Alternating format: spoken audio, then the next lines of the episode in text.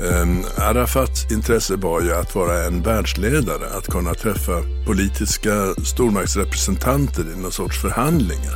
Att, att vara eh, den blivande staten Palestinas representant. Och då, det kräver ju att man ska kunna uppföra sig något sånär för att kunna delta i det umgänget. Samtidigt är det oerhört svårt för, för honom att ta avstånd från liksom den väpnade kampen. Det var han som började med det.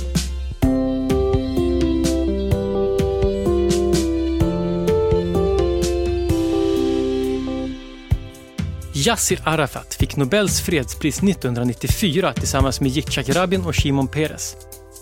De fick priset för Osloavtalet som tecknats året innan och som var tänkt att lägga grunden för en varaktig fred mellan Israel och Palestina. I efterhand har priset lyfts fram som ett misstag. Den norske historikern Geir Lundestad som var sekreterare i Nobelkommittén vid den här tiden, han har däremot i efterhand försvarat priset. Han menar att Osloavtalet var ett viktigt genombrott och fred det är ingenting man når snabbt och en gång för alla utan stegvis och under lång tid. Men priset var inte bara omdiskuterat för att avtalet inte höll utan också för att det gick till just Yassir Arafat. Du lyssnar på Nobelprismuseets podd Idéer som förändrar världen som idag handlar om den kontroversiella fredspristagaren Yassir Arafat. Jag heter Gustav Källstrand. Och med mig här för att prata om Arafat så har jag en person som länge tagit ställning i Palestinafrågan. Välkommen Jan Guillou. Tack så mycket. Jag tänker vi kan väl börja på en gång med Arafat. Du har träffat honom, är det så? Ja, jag har träffat Arafat. Men ja, det, hur var det? Ja, man får vänta väldigt länge och sen så transporteras man kors och tvärs av allvarliga unga män. Um, och sen så genomför man en ohyggligt svamlig intervju i en källarlokal någonstans sådär ett på natten. Och vet egentligen inte vad det är man har uh, sagt själv eller vad det var man fick in på bandet förrän långt efteråt. Han var inte någon stor talare om man säger så. När, när var det här? bör ha varit 69 ungefär. Mm. Då var det ganska tidigt i sin PLO-karriär, eller hur? Ja, men, ja. men um, han hade ju blivit den palestinska gestalten. En teatralisk sån, men det var ju effektivt. Alltså han, inom kort blev denna lille man, jag tror att han var under 1,60, en av världens mest kända personer. Och det var ju i sig någonting som gynnade den palestinska saken naturligtvis. Bara några år dessförinnan så var, eh, eller fram till 1967, sexdagarskriget kan man ju säga att eh, palestinier som folk var ett okänt begrepp i större delen av världen. Men nu bara några år senare när, så, så är det ju inte så. Och det är två saker. Det ena är den teatraliska ehm, och på det sättet karismatiska ledaren Yasser Arafat och det andra är faktiskt flygplanskapningar om man ska se krasst på saken. PFLPs flygplanskapningar satte som svenska kommunalpolitiker numera säger eh, Palestina på kartan. Framförallt var det ju, eh, det var 69 när de tog tre plan eh, samtidigt till öknen utanför Amman i Jordanien och sprängde dem efter att ha låtit passagerarna lämna planet. Mm. Som, som propagandagest så funkar ju det där eh, alldeles utmärkt. Så när jag träffar Arafat eh, för en meningslös intervju bara några år senare så är han alltså en, en eh, världskändis, en, en, en, ett kap som intervjuobjekt. Jan Guillou är en av Sveriges mest berömda journalister. Främst tack vare IB-avslöjandet men också genom en lång karriär i såväl tv som tidningar. Han är också en av Sveriges genom tiderna mest lästa författare. Och i hans författarskap så har frågan om Palestina löpt som en röd tråd. Dels i böckerna om spionen Carl Hamilton, men också i hans historiska romaner om Arne Magnusson, där han använde 1100-talets korståg för att spegla det tidiga 2000-talets krig mot terrorismen.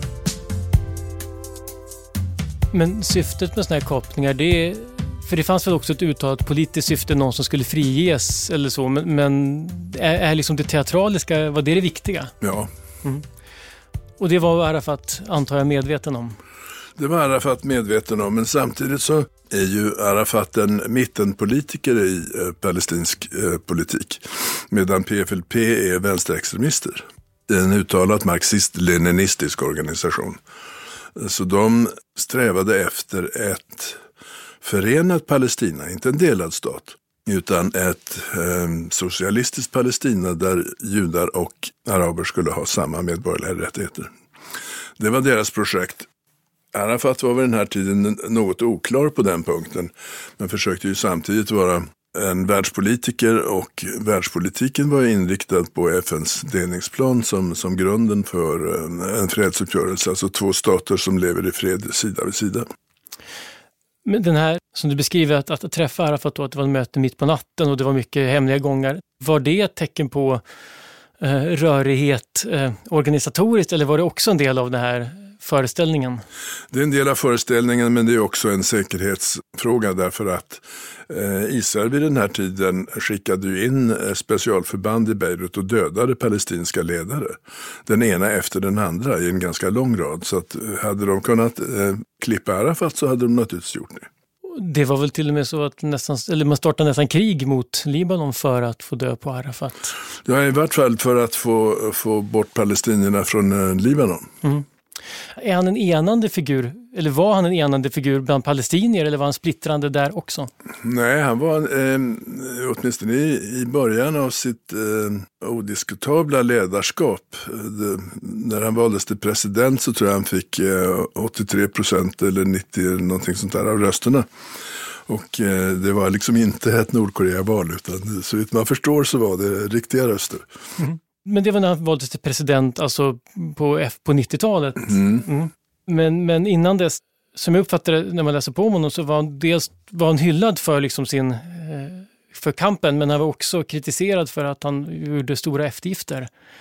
Men det kanske alla politiker blir. Jo, men till, till skillnad från eh, de mer radikala eh, ledarna för eh, allehanda organisationer, PFLP, General Command, PFLP, Abu Nidal, eh, eh Asaika, alltså arabstaterna, flera av dem satte ju upp egna palestinska eh, organisationer. Exempelvis hade Syrien en eh, palestinsk frihetsrörelse som hette Asaika som då var bassocialistisk såklart som, som då eh, Syrien påstod sig vara.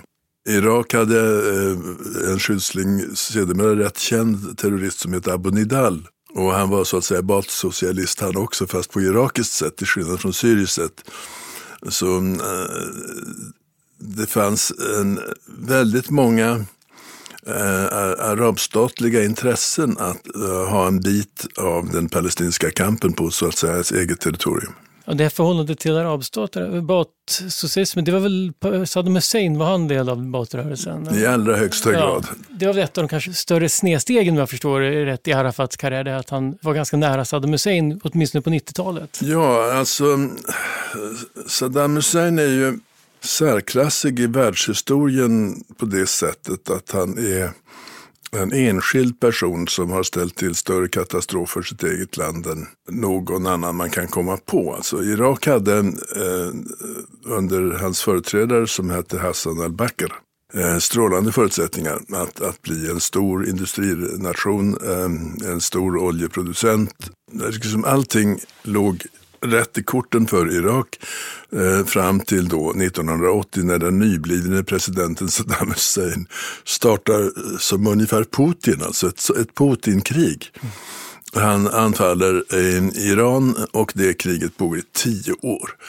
Och när han är klar med det och det slutar någon, på något sätt oavgjort, egentligen lite oavgjort till Irans fördel kan man säga, men ett oerhört lidande på båda sidor så drabbas han av en ny genialisk idé, nämligen att erövra Kuwait. Åberopande olika historiska rättigheter och sånt där. Och eh, får då eh, eh ett krig med USA på halsen.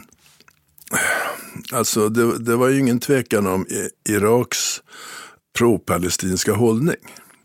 Dessutom eh, var det ju än så länge en stat med stora ekonomiska tillgångar.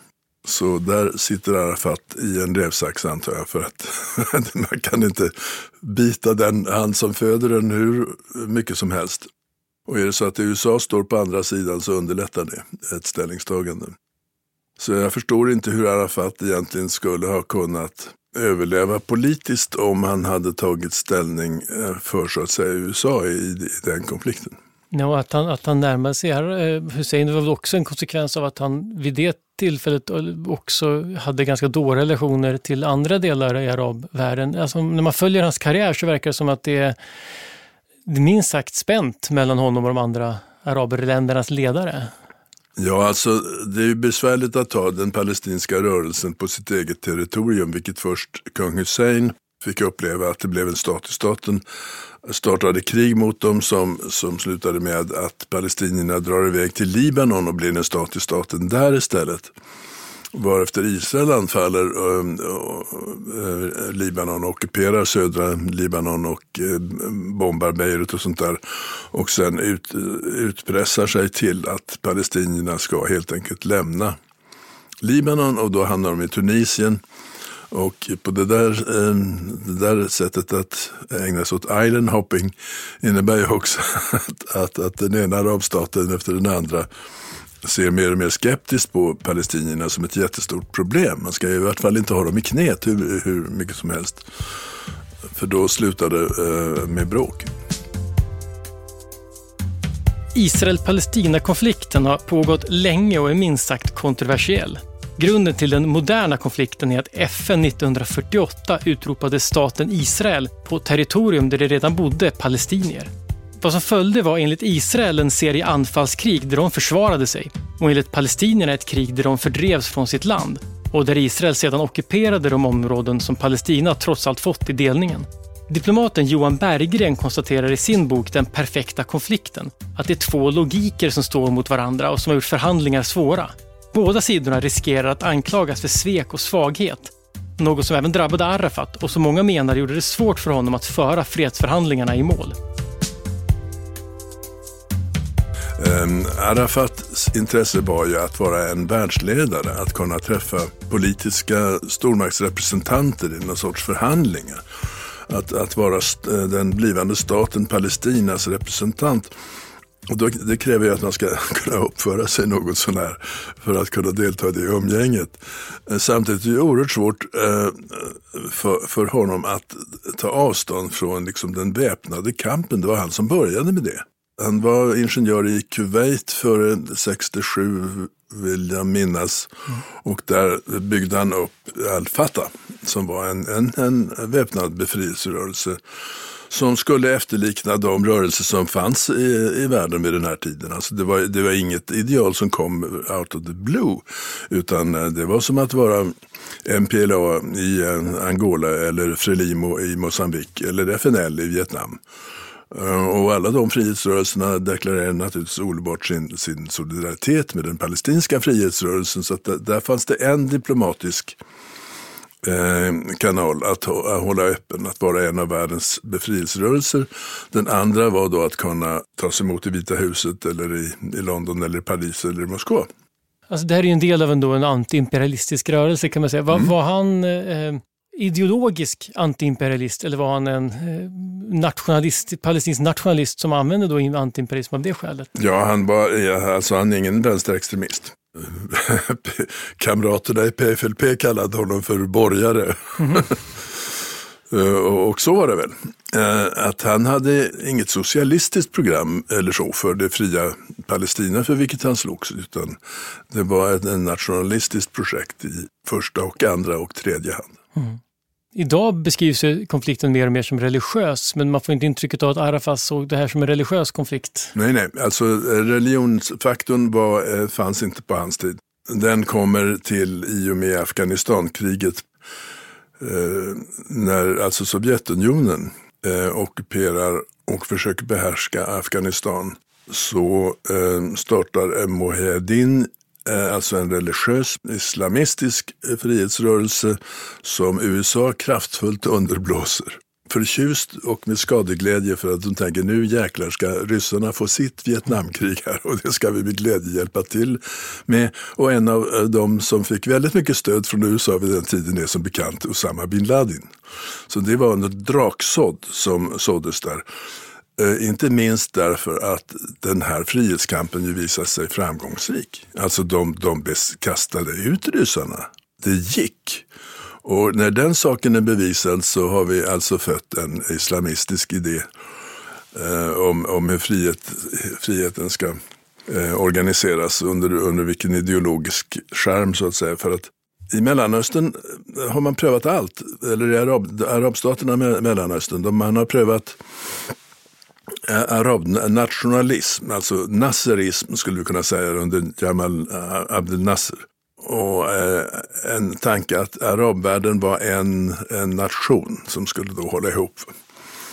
Sen eh, funkar inte det för att Nasser förlorade eh, krig och eh, förlorar man krig så har man då bevisat, till skillnad från Usama bin Laden, att det är något fel på ideologin. Då skulle man vara socialist ett tag. Exempelvis den, den särskilda lite konstiga form av socialism som utvecklades i Syrien och Irak som kallas för bassocialism. Och det funkar ju inte heller. Sen kommer den, den eh, religiösa aspekten in. Men det är alltså långt senare och det är väl den islamistiska befrielserörelsens framgång i Afghanistan som, som etablerar den här idén som ju är förhärskande än idag. Mm. Och det spännande med Arafat är att han är med under hela den här tiden och liksom på det sättet kan spela på de olika, vad ska man säga, eh, ideologiska inramningarna. Oh ja, alltså eh, jag minns när, till min förvåning hur jag såg honom eh, ligga och be i en moské någonstans på senare delen av 90-talet tror jag, när han har fattat att det här måste man hänga med på. Det hade det inte varit tal om på, på 70-talet. Men Arafat, som sagt, han fick ju så småningom fredspriset och idag när man pratar om honom då, att det var ett misslyckande och sådär, då låter det som att han misslyckades med att skapa fred, men Arafats mål var väl inte rimligen att skapa fred, det var väl att skapa självständighet? Jo, men om man nu, eh, självständigheten, de där hänger ihop. Man kan ju inte eh, tänka sig en, en självständighet utan fred. Så eh, det, det fredspriset tycker jag faktiskt inte är så konstigt. När mm. det är 94, efter mm. Osloavtalet 93 ser det ut som om det faktiskt ska gå att få de här, den här omöjliga konflikten att sluta i ett fredsavtal med två stater. Mm. Så såg det ut. Och eh, i det läget är det ju rätt att ge dem fredspriset. Men, men samtidigt som så han, han ledde en väpnad kamp från början så han såg kriget fortfarande som ett medel för att nå en förhandlingsposition, då kan man säga? Eller? Ja, att bara försöka eh, skriva petitioner och vara fredlig och försöka förhandla när ingen vill förhandla med en och ta, ingen tar en på allvar hade inte funkat. Så att den, den, den väpnade kampen har en, en, en stark, den har ingen militär betydelse. Menar, Israel har aldrig någonsin varit eh, hotad av palestinska eh, befrielserörelser. Men eh, däremot så har den väpnade kampen gjort att man tar palestinierna på allvar på ett annat sätt. Men jag tänker bara så här, som ett tankeexperiment, om nu, som sagt, militärt spelar det ingen roll, utan då är våldet kanske mer ett sätt att ja, men just skapa uppmärksamhet, eh, om inte annat. Mm. Um, kunde det ha varit pragmatiskt att satsa på icke-våld som en ideologi för att på det sättet väcka sympatier? Jag tänker på Indien på 40-talet gjorde eh, den varianten. Ja, alltså Mahatma Gandhi som du nu drar fram här hade ett annat läge. Han har miljoner och miljoner och miljoner demonstranter eh, till sitt förfogande och deras fiende i Indien är ett fåtal kolonialofficerare. Alltså det, den demografiska situationen i Indien är totalt annorlunda den i Israel som är ett sorts Sparta, en välbeväpnad krigarstat med eh, judisk majoritet. Och eh, där kan man demonstrera tills man tröttnar. Men det, det går inte att liksom starta miljon eh, demonstrationer där man vandrar i en omotståndlig mänsklig mur mot Jerusalem eller någonting sånt där på grund av de demografiska förhållandena. Så att, Okej, okay, Mahatma Gandhi hade inte fixat det i Palestina på samma sätt som han gjorde i Indien. Så då kan man tänka sig, jag tänker på 1993 så fick Nelson Mandela, alltså året innan fick Mandela fredspriset. Det är det samma sak där? Att, att situationer ja, han vann ju. Olika... Då, I samma sekund som Mandela vinner så befordras han från terrorist till frihetshjälte.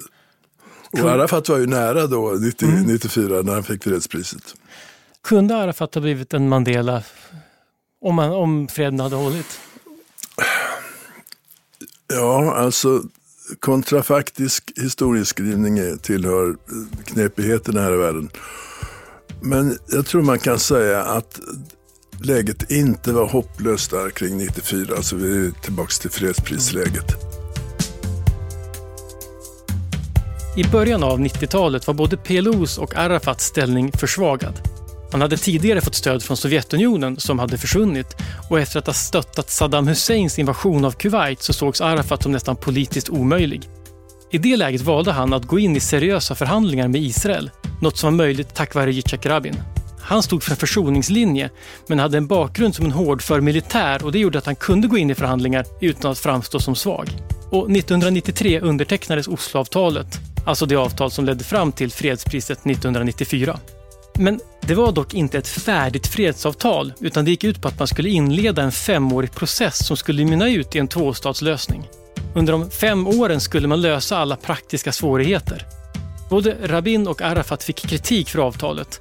Inte minst eftersom det varken fanns någon plan för hur de palestinska flyktingar som tvingats lämna landet 1948 skulle få återvända, eller för hur de israeliska bosättningarna på palestinska områden skulle begränsas.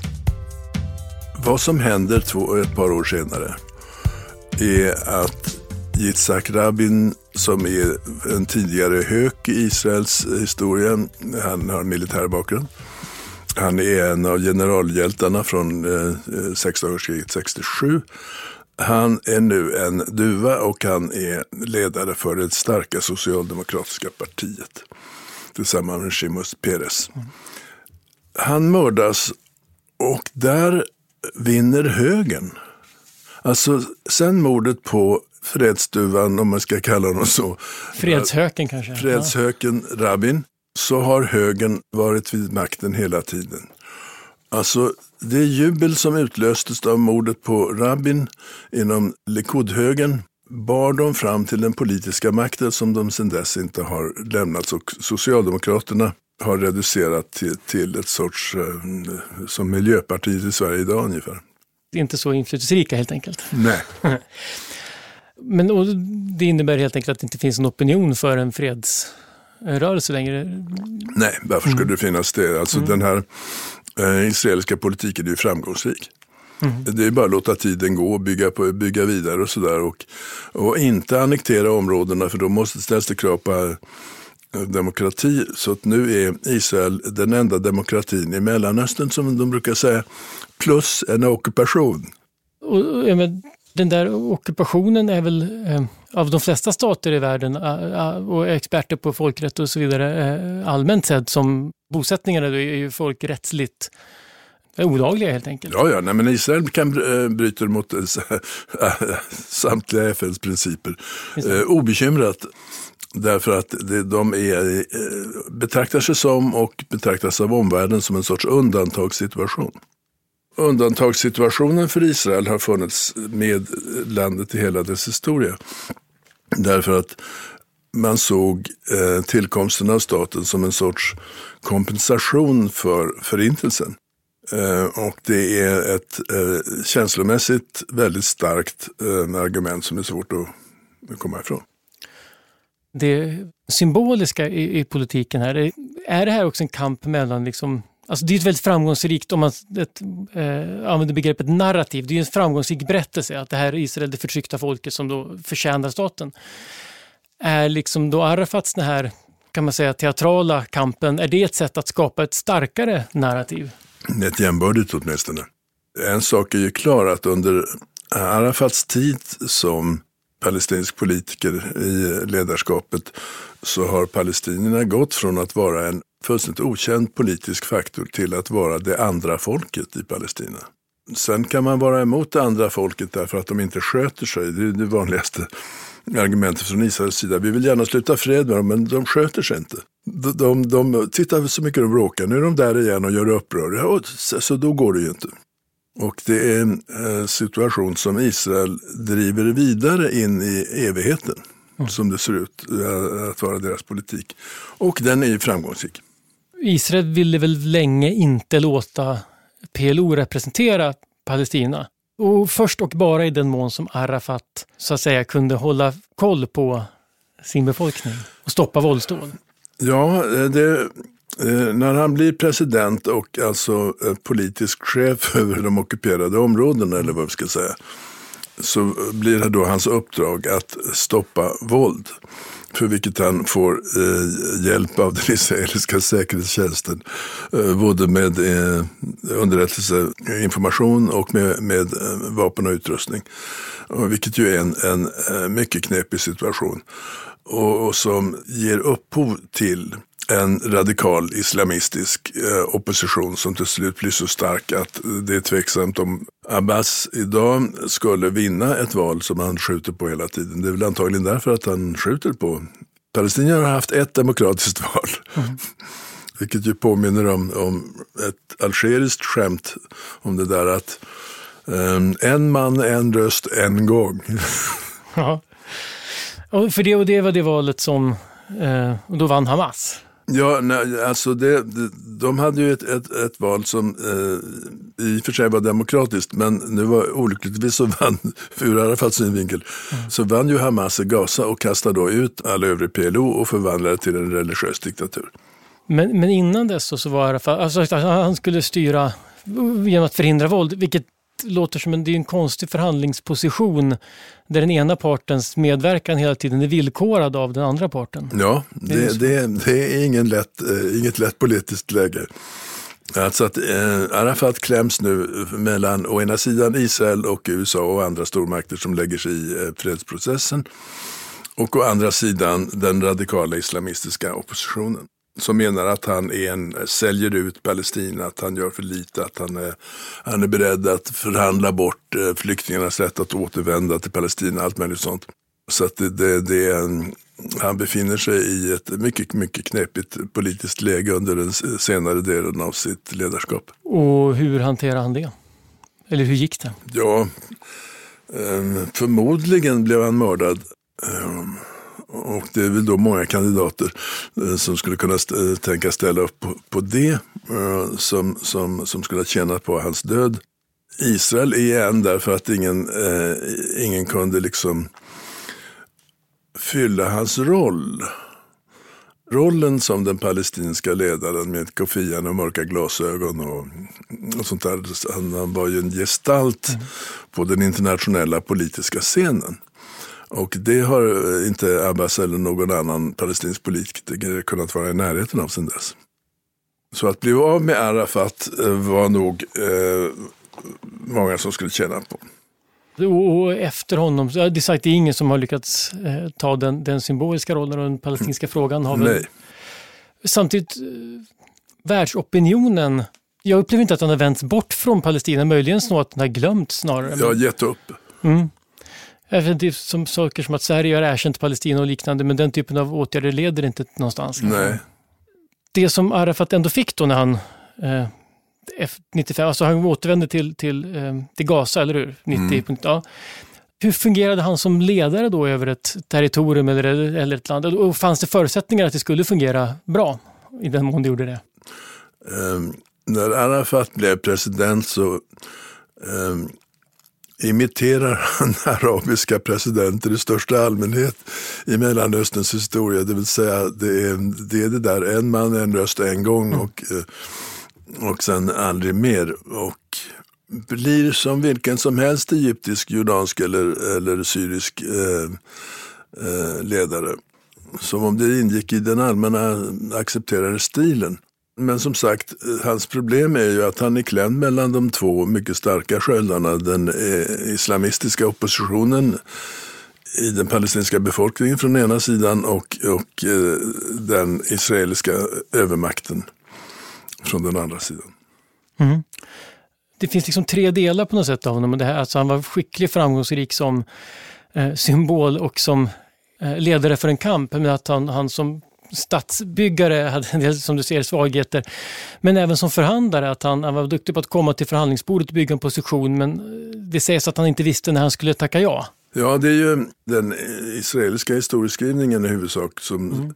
som säger det att vi har varit så nära flera gånger men, de, men de, palestinierna dels sköter de sig inte, dels så kan de inte um, klara en förhandling um, på grund av sina intellektuella brister eller vad det kan tänkas bero på. Och Israel har sen eh, efter mordet på Rabin, alltså andra halvan av 90-talet och framåt, aldrig visat något intresse av att genomföra någon tvåstatsbildning eh, eller sånt där, utan de, de permanentar ockupationen och låter tiden gå. Och eh, sabbar till slut alla förhandlingar eller driver ockupationspolitiken som ju är ett evigt trakasseri av den ockuperade befolkningen driver den med en hårdhet och konsekvens som leder till olika uppror och då är vi där igen. Titta, de sköter sig inte. Och det betyder att man, och apropå att skapa berättelser, man skapar en berättelse som dömer ut och nästan infantiliserar då ja. sin motståndare. Mm. Antar jag medvetet. Ja. Och både Arafat och PLO har väl då ett intresse av att skapa motbilden. Är det, är det, är det den här bilden då av Israel som förtryckarstat? Ja, det är naturligtvis. De, de eh, bedriver en mycket hård ockupationspolitik. De, eh, det enda ställe i Palestina där palestinier är majoritet är fängelserna. De eh, dömer barn till administrativt fängelse. De kan gå hur långt som helst i det här allmänna ockupationsförtrycket och trakasserierna mot befolkningen. En kvinna på väg att föda måste passera åtta vägspärrar på vägen till eh, BB och tvingas till slut föda i bilen. Alltså en, en typisk daglig palestinsk händelse. Och den, om man driver den politiken i evighet så vinner man, tycks vara Israels eh, strategiska modell för en, en framtid som till slut kommer att upplösa eh, palestinierna som politisk kraft. Vi har varit inne på frågan, som sagt, för Arafat var, var eh, han var en pragmatisk politiker, men frågan fick ju internationellt en ganska tydlig, får man väl lugnt minst säga, höger-vänster dimension. Inte minst i Sverige. Var det som gjorde att Palestinarörelsen då på vad ska säga, 60-70-talet blev så stark? Att det var liksom en del av en, en allmän höger-vänster-konflikt i till exempel Sverige? Eller, eller? Ja, utan tvekan. Alltså, eh, skälet till att eh, FNL-rörelsen blev så stark i Sverige var ju att den orätt som försiggick i all världens tv-sändningar inför våra ögon år ut och år in var så uppenbar. Och ändå så tog det politiska etablissemanget i Sverige, borgerliga partier och Tage Erlanders socialdemokrater ställning för USA med sentimentala argument som är, vi i den generation som nu växer upp, som är unga, och inte har upplevt andra världskriget är fullständigt okänsliga för. USA räddade Europa från nazismen. Skitprat, civil. För det första var det Sovjetarmén som besegrade Nazityskland. USA eh, besegrade japparna. Och vad har det med saken att göra nu när de napalmbombar sydostasiatiska byar dagligen? Jo, men om man är mot USA så är man kommunist. Okej, okay, gubbjävlar, då är vi kommunister i så fall, om det, om det är det som ska till. Så att FNL-rörelsen och därmed Eh, stödet för andra befrielserörelser i världen, framförallt i Afrika, blir en vänsterorganisation inte så konstigt. Eller en vänsterrörelse. Eh, inte bara USA och Storbritannien och sådana maktinstitutioner i världen utan också den, den, svenska högern var ju utomordentligt tveksam till och med till att stödja Nelson Mandela och, och eh, afrikanernas kamp mot apartheid. Så visst, eh, i det här sammanhanget när världen är enkel att förstå, Eh, när det finns svart och vitt, det finns goda och onda på ett sätt som det inte finns idag. Med samma tydlighet. Jo, Putin kanske nu på ett sätt eh, ställer upp eh, som en sån kandidat, en sorts Rysslands Saddam Hussein ungefär. Men, men han är okontroversiell. Skälet till att det inte går våldsamma demonstrationer på Stockholms gator nu mot Rysslands krig mot Ukraina är att saken är okontroversiell. Alla svenskar är för Ukrainas frihet. Men så var det ju inte i den här eh, kampen eh, mellan frihetsrörelser på 60-70-talet och eh, den portugisiska fascistiska militärdiktaturen om man ska uttrycka sig precis. Så visst, i det här sammanhanget länkas den palestinska frihetsrörelsen in på ett väldigt naturligt sätt i en vänsterrörelse som stödjer all världens befrielserörelser. Och är det därför som, eh, kan man säga, Palestina i opinionen försvinner i takt med att vänstervågen ebbar ut och blir något annat?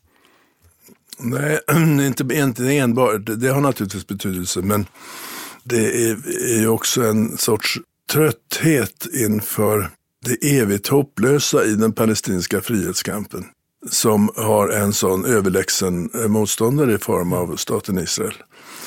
Så det enda sättet skulle vara att liksom israelerna själva tar sitt förnuft till fånga. Och hur påverkar man israeler? Ja, det är inte det lättaste kan jag meddela. Eh, varje antydan om att, att eh, palestinierna har en, eh, är likaberättigade till palestinskt territorium tolkas ju numera som antisemitism. Och eh, det, det dödar all diskussion. Mm. Det finns en, en liksom principiell fråga som jag tycker är eh, intressant. Och det är det här med att, att i den här frågan som handlar om internationell rätt som ställs mot den starkes rätt. Mm. Och i den här konflikten är det så tydligt att den starke vinner mot internationell rätt. Ja, det, teoretiskt kan Putin göra det i Ukraina också. Han kan utplåna Ukraina om man får hålla på tillräckligt länge. Och det är naturligtvis mot varenda internationell konvention och överenskommelse som finns. Men eh, vinner han? I, I, den meningen vinner alltså. Politiskt har han ju redan förlorat det där kriget. Men vinner, vinner man så har man rätt. Mm. För det är varje gång man går in och förhandlar å andra sidan i en förhandling där en sida har, har fått en förhandlingsposition genom våld så accepterar man ju också våldet som politiskt kapital. Ja, men det är politiskt kapital. Mm. Men i princip så enligt folk, internationell rätt så bör det, får det inte vara det. Det är olagligt att invadera. ja, det, så är det.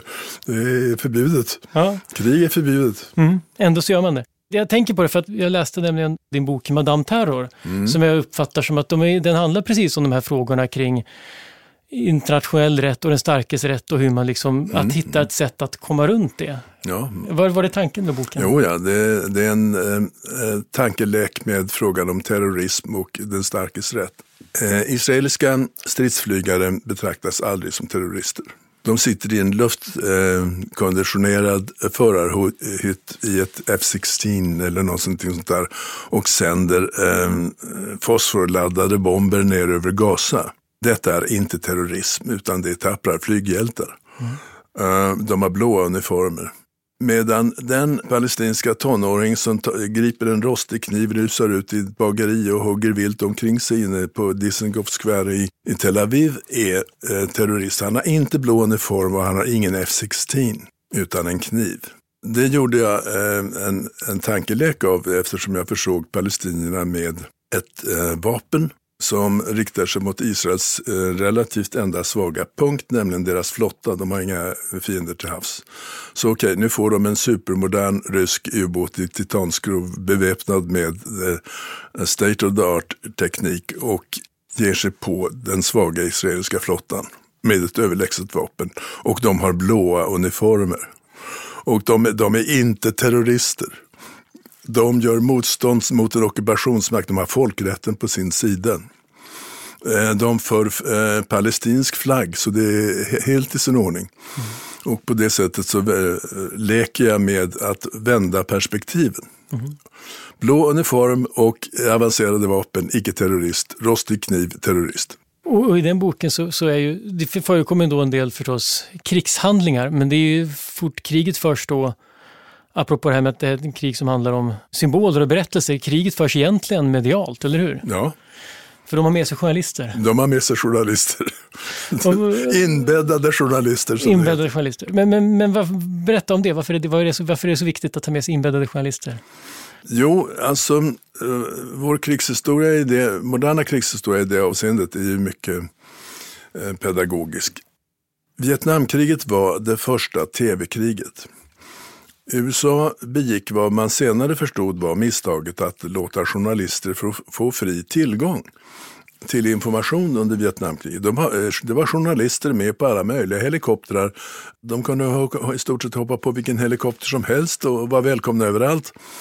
Vilket innebär att de skildrar ett folkmord ingående, för journalister har en tendens att, att gilla den typen av, av avslöjanden. Mm. Och de killar som var majorer och kaptener under Vietnamkriget är de som var generaler under eh, senare krig i Mellanöstern. Så de hade lärt sig läxan.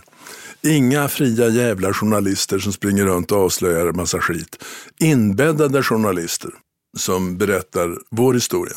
Och det, den tekniken använder vi nu i den här romanen som vi tar, du nämnde, eh, palestinierna också. De har eh, Al Jazeera med sig som korrespondenter ombord på ubåten och stiger då och då upp och gör ståuppor eh, mot bakgrund av den palestinska symbolen på ubåtstornet och eh, blir då världssensationen naturligtvis och får en enorm publicistisk kraft i det de gör därför att det är så kul. Mm. Det är så spännande, det är så fantastiskt. De leker eh, kurragömma med den amerikanska medelhavsflottan.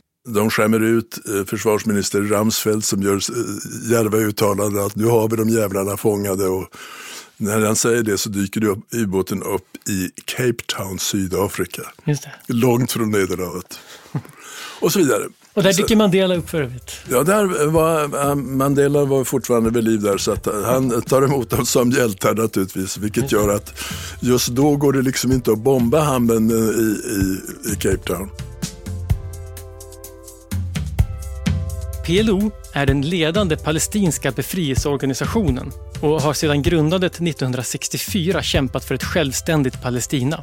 Till en början innebar det att man ville ta tillbaks hela området som bildade Israel 1948. Men sedan 1993 accepterar PLO Israel som stat och har istället arbetat för en tvåstatslösning.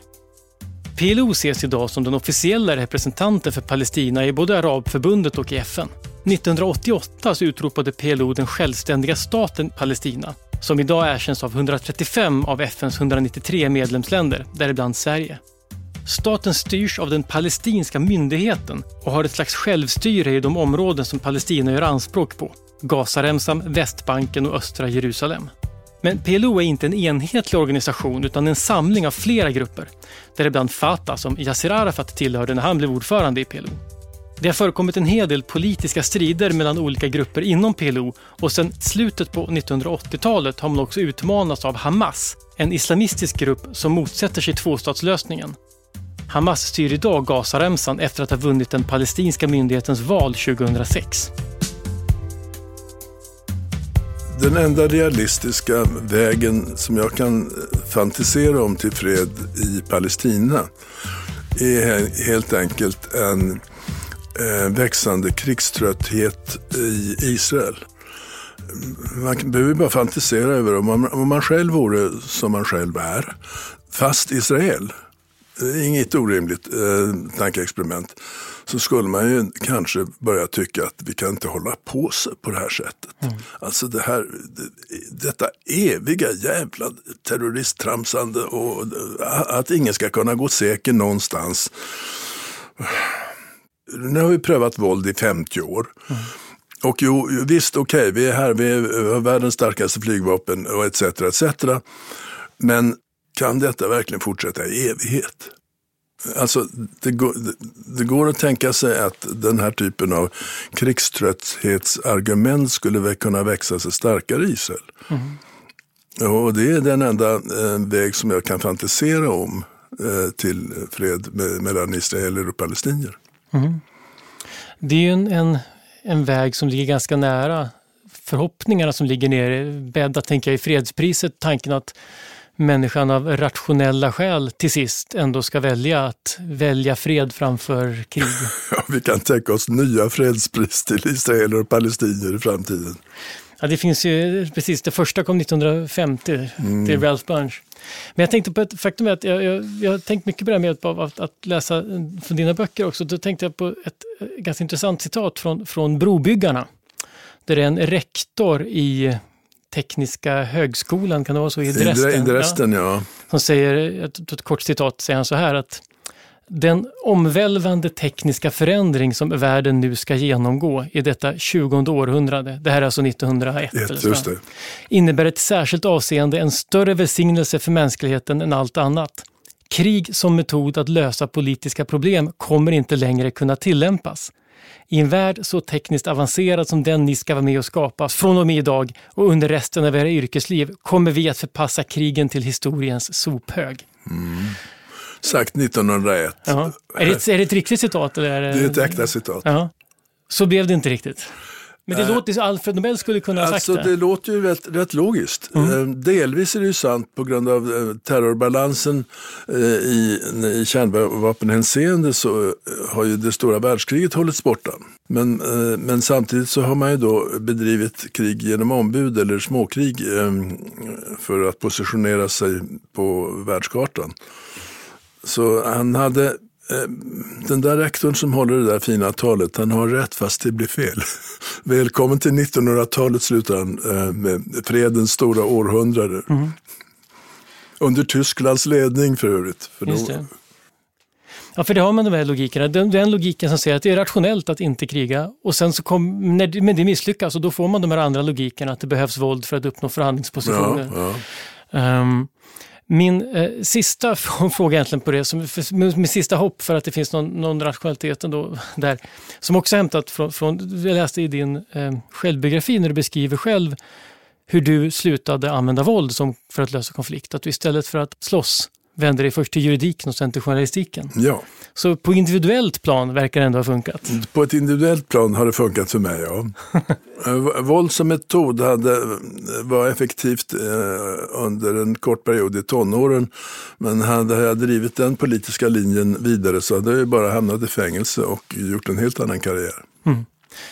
Och det är det som kanske är poängen i världen också, att, att när vi fortsätter med våld så blir det inte bättre än, än så här. Nej. Men det rationella skulle vara smartare. Ja. Eh, så Alfred Nobel hade en bra dröm, men den, kommer, den verkar tuff att genomföra. Är det sammanfattningen? Det finns för mycket skurkar i, i mänsklighet. Det är ett problem. Jag förstår inte hur vi ska kunna bli av med det. Nej. Tack så hemskt mycket Jan för att du kom hit och berättade om Arafat. Det var otroligt spännande och intressant. Ja, tack själv. Idéer som förändrar världen är slut för den här gången. Den här podden görs av Nobelprismuseet vi finns på Stortorget i Gamla stan. Information om museets utställningar och öppettider finns på museets hemsida nobelprismuseum.se. Du kan förstås också följa oss på Facebook och Instagram. Och vill du veta mer om Nobelpristagarna och deras arbete så gå gärna till Nobelprisets hemsida nobelprice.org. Och ett stort tack till Nibe Group, EF Education First, Knut och Alice Wallenbergs stiftelse och familjen Erling Perssons stiftelse som möjliggör Nobelprismuseets verksamhet. Idéer som förändrar världen görs i samarbete med produktionsbolaget Filt. Producent är Andreas Wiklund och jag heter Gustav Källstrand. Vi är snart tillbaka med nya intressanta samtal.